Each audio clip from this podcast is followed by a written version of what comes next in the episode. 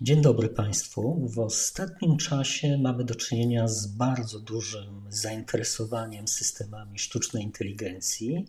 Jest to na pewno pokłosie y, niebywałych, niezaprzeczalnych sukcesów y, związanych z rozwojem tzw. Tak dużych modeli y, językowych, czyli przykładem jest tutaj GPT, czy też czaty GPT i podejrzewam, że mamy takie naturalne zainteresowanie, jaki to będzie miało wpływ na rynek w pracy, a może nawet zaniepokojenie, czy czasem moje stanowisko pracy, moja praca nie zostanie wyparta przez systemy sztucznej inteligencji. Przyjrzymy się temu na spokojnie, bo de facto to zjawisko może jakby występować w trzech wymiarach. Możemy mieć do czynienia z po prostu wspieraniem pracy, czyli takim dobrym przykładem będzie Copilot y, GPT, czyli takie wsparcie pracy programisty.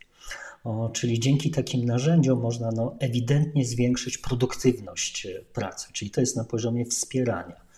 Może tu też występować no, taki scenariusz drastyczny związany ze wzrostem bezrobocia, czyli że mm, czyjeś stanowisko pracy zostanie zastąpione taką maszyną czyli na przykład praca w call center, gdzie pracownik zostanie zastąpiony takim inteligentnym chatbotem. No w końcu też jest trzecia możliwość, e, chyba najciekawsza, czyli powstawanie nowych miejsc pracy. Natomiast e, tak, e, są bardzo, bardzo ciekawe spojrzenie na tą tematykę Kafuili, więc od tego zacznę.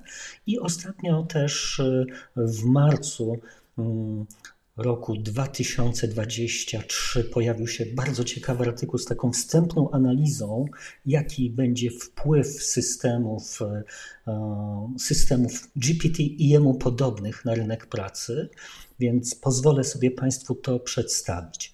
Natomiast tak jeszcze, zanim przejdziemy do meritum, mówimy o systemach sztucznej inteligencji, tak zwanej wąskiej sztucznej inteligencji. I tutaj jest mój cały film na ten temat, jeśli ktoś by potrzebował no, takiego formalnego wsparcia, o czym my mówimy. I a także dobrze mm, rozumieć, na czym polega funkcjonowanie systemu chat GPT. I tutaj też takie moje krótkie wprowadzenie popularno-naukowe, żeby no, wytłumaczyć podstawy. Bardzo ciekawym spojrzeniem na tematykę sztuczna inteligencja a rynek pracy y, zostało wypracowane przez y, chińskiego naukowca Kafuili. Świetna jego książka, taka futurologia 2041. E, tutaj Państwo znajdziecie w ogóle całą recenzję mojej e, tej książki. To jest bardzo, bardzo dobra książka, ale teraz wybiorę tylko ten fragment, który dotyczy właśnie tego wpływu sztucznej inteligencji na rynek pracy. I tutaj mm, Państwo pozwolicie, ale dobrze jest to zacytować wprost, bo on ma niezwykle dobrą intuicję. Pisze, w jakich obszarach sztuczna inteligencja będzie miała problemy. Pisze nawet w roku 2041 i wymienia trzy takie obszary. Obszar pierwszy to jest kreatywność. I Kafuili pisze tak: systemy sztucznej inteligencji nie umieją tworzyć pracować koncepcyjnie ani planować strategicznie. Y, doskonale optymalizują dane w celu osiągnięcia zawężonego celu, ale nie potrafią określać własnych zamierzeń ani też twórczo myśleć. Sztuczna inteligencja nie rozumuje też interdyscyplinarnie, ani nie kieruje się zdrowym rozsądkiem. Czyli to pierwszy obszar, czyli ten, ta, ta kreatywność, gdzie, gdzie są problemy. Drugi obszar z problemami to jest empatia. Sztuczna inteligencja nie ma ani nie rozumie uczuć takich jak empatia albo współczucie. Z tego powodu nie zdoła sprawić, żeby człowiek czuł się zrozumiały i zrozumiany i otoczony opieką. Nawet jeśli sztuczna inteligencja osiągnie postępy w tej materii, niesłychanie trudno będzie rozwinąć technologię do tego stopnia, żeby ludzie czuli się komfortowo w kontaktach z robotami, kiedy sytuacja wymaga troski, współodczuwania, no i takiego pierwiastka ludzkiego. I w końcu trzeci element, gdzie sztuczna inteligencja miała, będzie miała problemy, według Kafuili, to jest zręczność. E, systemy sztucznej inteligencji oraz roboty nie potrafią wykonywać złożonych prac fizycznych, które wymagają zręczności i precyzyjnej koordynacji wzrokowo-ruchowej. Sztuczna inteligencja nie umie uporać się z nieznanymi i nieuporządkowanymi przestrzeniami, zwłaszcza takimi, których wcześniej nie zbadała. No to jest fantastycznie ujęte. I teraz jakby w tej konwencji, jakby w dwóch e, perspektywach omawia zawody, które są bezpieczne i zawody, które są zagrożone przez sztuczną inteligencję. I pierwszy Pierwszy obszar to jest taki układ współrzędny, gdzie po Y mamy to właśnie bycie wśród ludzi versus bez kontaktu z ludźmi, czyli powiedzmy, że to jest ten obszar trudny empatia. A, a drugi obszar to jest powtarzalność, po X to mamy powtarzalność versus praca twórcza. Czyli tu jest wzięty pod uwagę ten aspekt związany z kreatywnością. No i jak wygląda ta przestrzeń, e, czyli w górnym e, prawym rogu mamy ten obszar bezpieczny dla człowieka i kogo tam mamy? Przedsiębiorców, e, dyrektorów marketingu, PR-u, pracownika opieki społecznej, tak? Czyli tu mamy tą twórczość powiązaną z empatią, byciem wśród ludzi. A co mamy w lewym dolnym rogu mm, praca powtarzalna bez kontaktu z ludźmi, analityk ryzyka kredytowego, konsultant pożyczkowy, telemarketer, pracownik obsługi klienta. Tak, czyli tutaj widać dokładnie ten, te, te, te jego prognozy co do zawodów bezpiecznych i zagrożonych.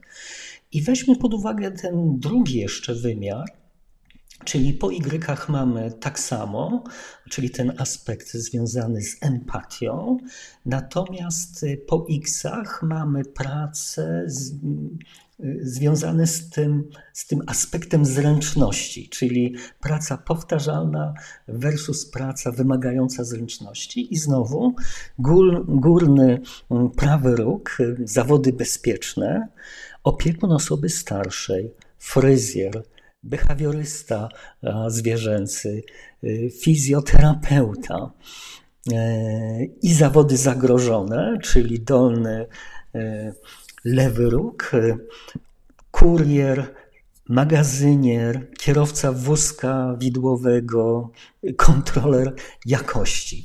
Czyli tak to jest ujęte przez Kafuli. Spójrzmy teraz y, na publikację naukową, która dotyczy badania związanego z wpływem właśnie tych dużych modeli językowych na rynek pracy. Y, to jest praca opublikowana w marcu roku 2023, czyli takie wczesne spojrzenie na rynek pracy w kontekście tych systemów językowych. No, to, tutaj jest nawiązanie bezpośrednio do GPT. Wśród mamy pracowników OpenAI i Daniela Roka z Uniwersytetu Pensylwania. Tam jest taka szkoła biznesu Wharton School i tam właśnie profesor Daniel Rock pracuje. Warto zwrócić uwagę na tą publikację, y, bo ona to jest chyba taka pierwsza publikacja, która próbuje w taki sposób no, rzetelny, naukowo opisać to, co się aktualnie dzieje i prognozy w kontekście właśnie używania, ale uwaga, tylko koncentrujemy się tutaj na tych systemach, na tych modelach językowych. Tak? Kafuili trochę szerzej patrzył na to zagadnienie, generalnie patrzył na rozwój sztucznej inteligencji, wąskiej sztucznej inteligencji. Tutaj mamy zawężenie do modeli językowych. I w tej pracy skorzystano z takiej bazy danych, gdzie zostało opisane, ta baza się nazywa ONET, i tam jest opisanych 1116 zawodów występujących w Stanach Zjednoczonych i ta baza jest rozszerzona o tak zwane Detailed Work activities, czyli taki szczegółowy opis, co w ramach danego zawodu się wykonuje, czyli takie teksty opisujące jakby zakres czynności, zakres obowiązków, e, czyli dysponowali takim e, materiałem na wejściu, czyli opis tych stanow, stanowisk pracy z tym opisem, co się w ramach danego zawodu robi i zdefiniowano taką miarę, e, przy pomocy której e, próbowano zmierzyć, które zawody będą wypierane przez e, GPT, przez usługi GPT, w jaki sposób to ma być mierzone. To jest takie kryterium wpływu, czyli założono tak, że jeśli ten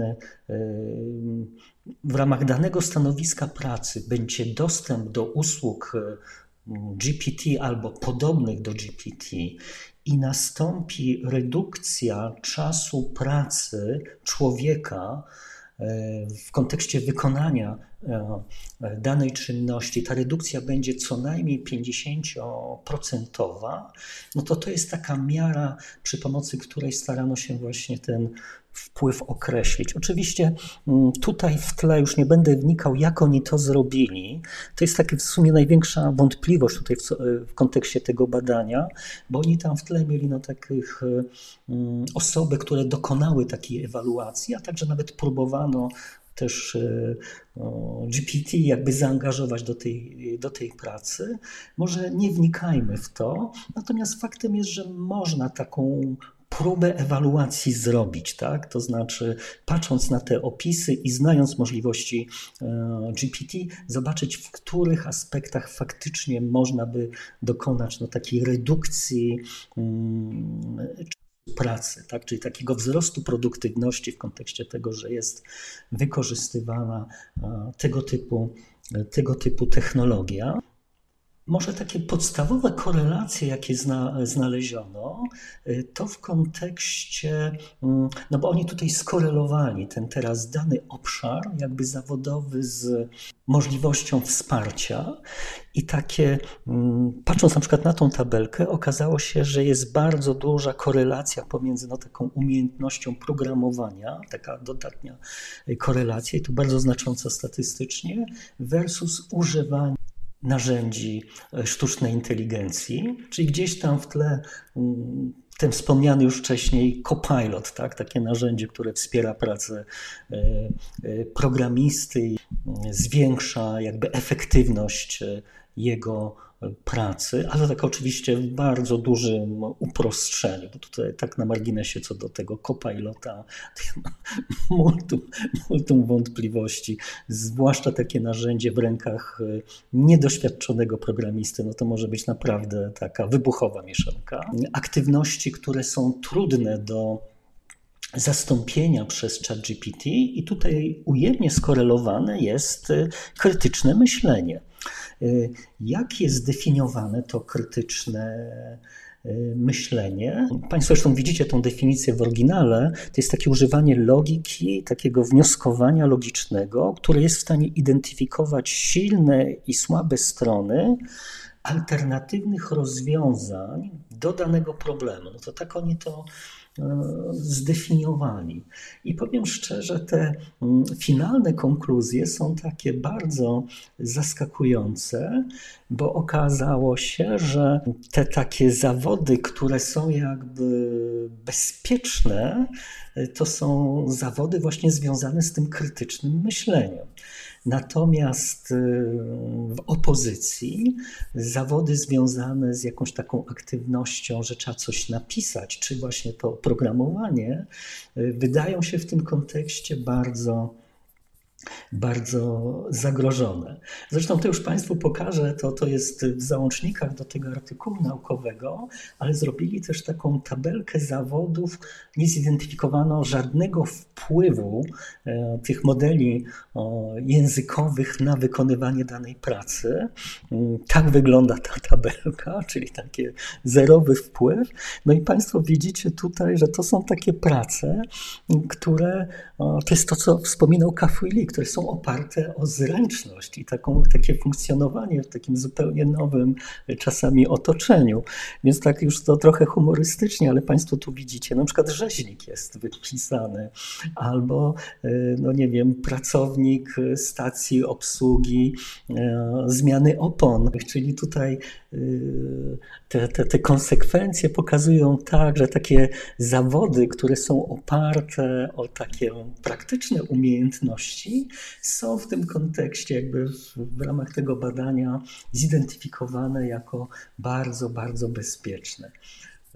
Konkluzje z omawianego artykułu naukowego są bardzo ciekawe, bo te zawody niezagrożone to są zawody związane z bardzo dużą kreatywnością i krytycznym myśleniem, albo zawody, które mm, wymagają takich praktycznych umiejętności, zręczności, jakbyśmy używali nomenklatury Kafuini. Co do tych praktycznych umiejętności, no to tu nie ma wątpliwości.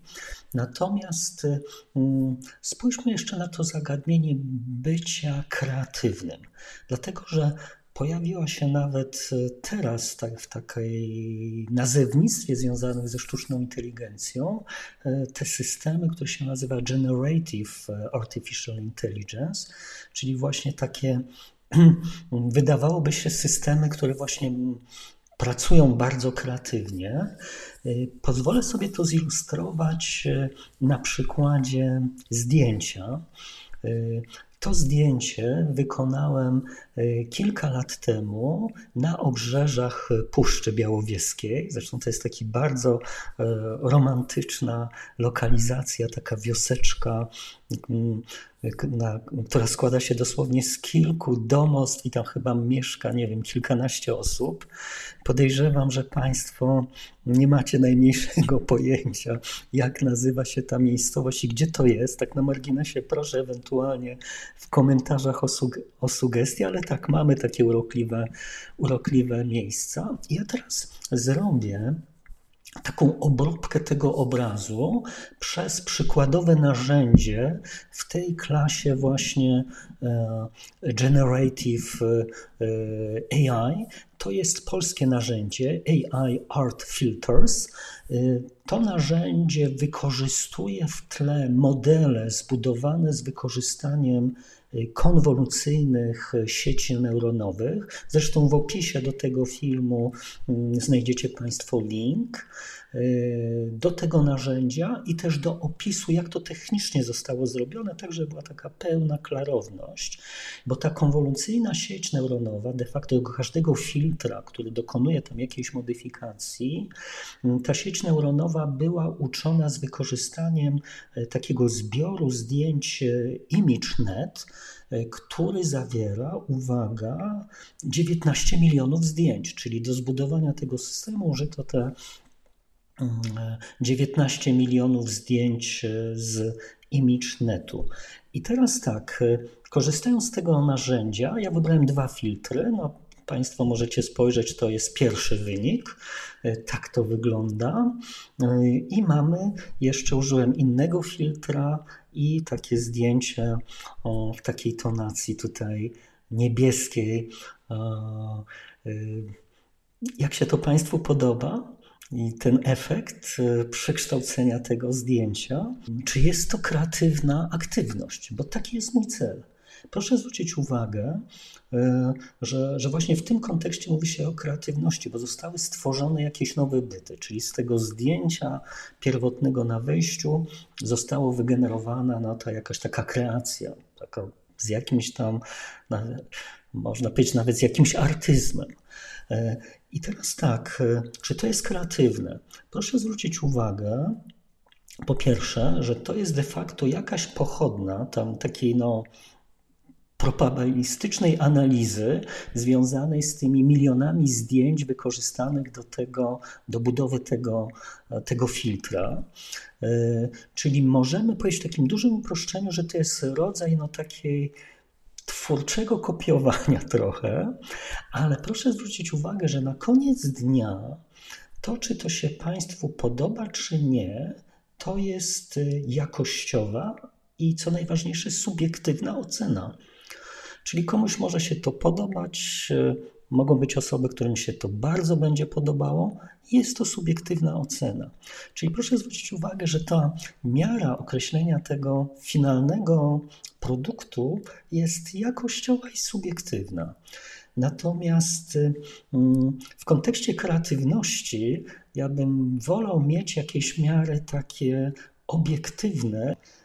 Może dam taki prosty E, prosty przykład. No, mm, mamy olbrzymi problem z odnawialnymi źródłami energii, no w tym kontekście, że one są niestabilne w swojej pracy. Więc naturalnym rozwiązaniem są magazyny energii. Na dzień dzisiejszy, czyli takie stworzenie takiego magazynu energii jest no, na pewno byłoby bardzo, jest bardzo istotne. I teraz tak, oczywiście mamy takie magazyny energii. Na dzień dzisiejszy, no taki przykładowy magazyn energii na 10 kWh. One potrafią ważyć gdzieś po 100 kg y, i mm, kosztują 20, 20 parę tysięcy złotych.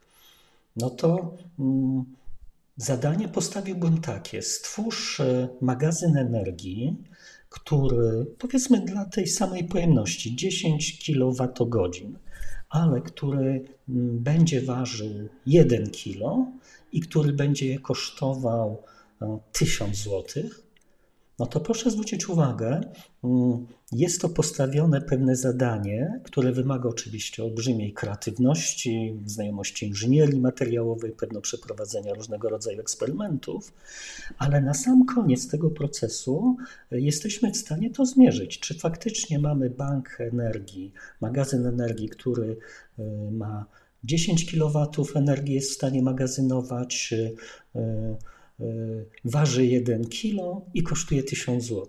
Czyli wymierna, obiektywna, ilościowa ocena.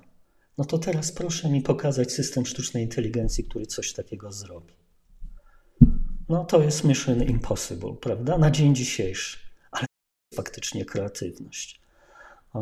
Ja to mówię w marcu roku 2023 Trudno mi sobie wyobrazić, żeby w jakiejś e, przewidywalnej przyszłości w ogóle rozwiązanie tego typu e, problemów przez systemy sztucznej inteligencji byłyby możliwe do realizacji. Tak, to jest konkret, to jest, to jest faktycznie kreatywne.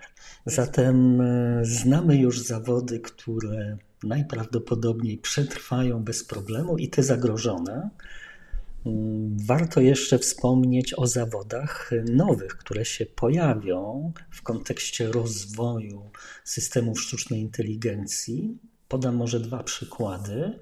Jeśli chodzi o te duże modele językowe, to pojawił się taki zawód, który się nazywa prompt engineering, czyli takie to prompt to jest taka umiejętność stawiania odpowiednich pytań do takiego e, modelu językowego jak GPT. Gdzieś tam w tle jest też zagadnienie, że w takim wykorzystaniu komercyjnym płaci się za ten za dostęp do takiego systemu i ilość tak zwanych tokenów, które taki system przetwarza, więc umiejętność dobrego formułowania zapytań, żeby jakby zminimalizować te koszty, no na pewno ciekawym zagadnieniem.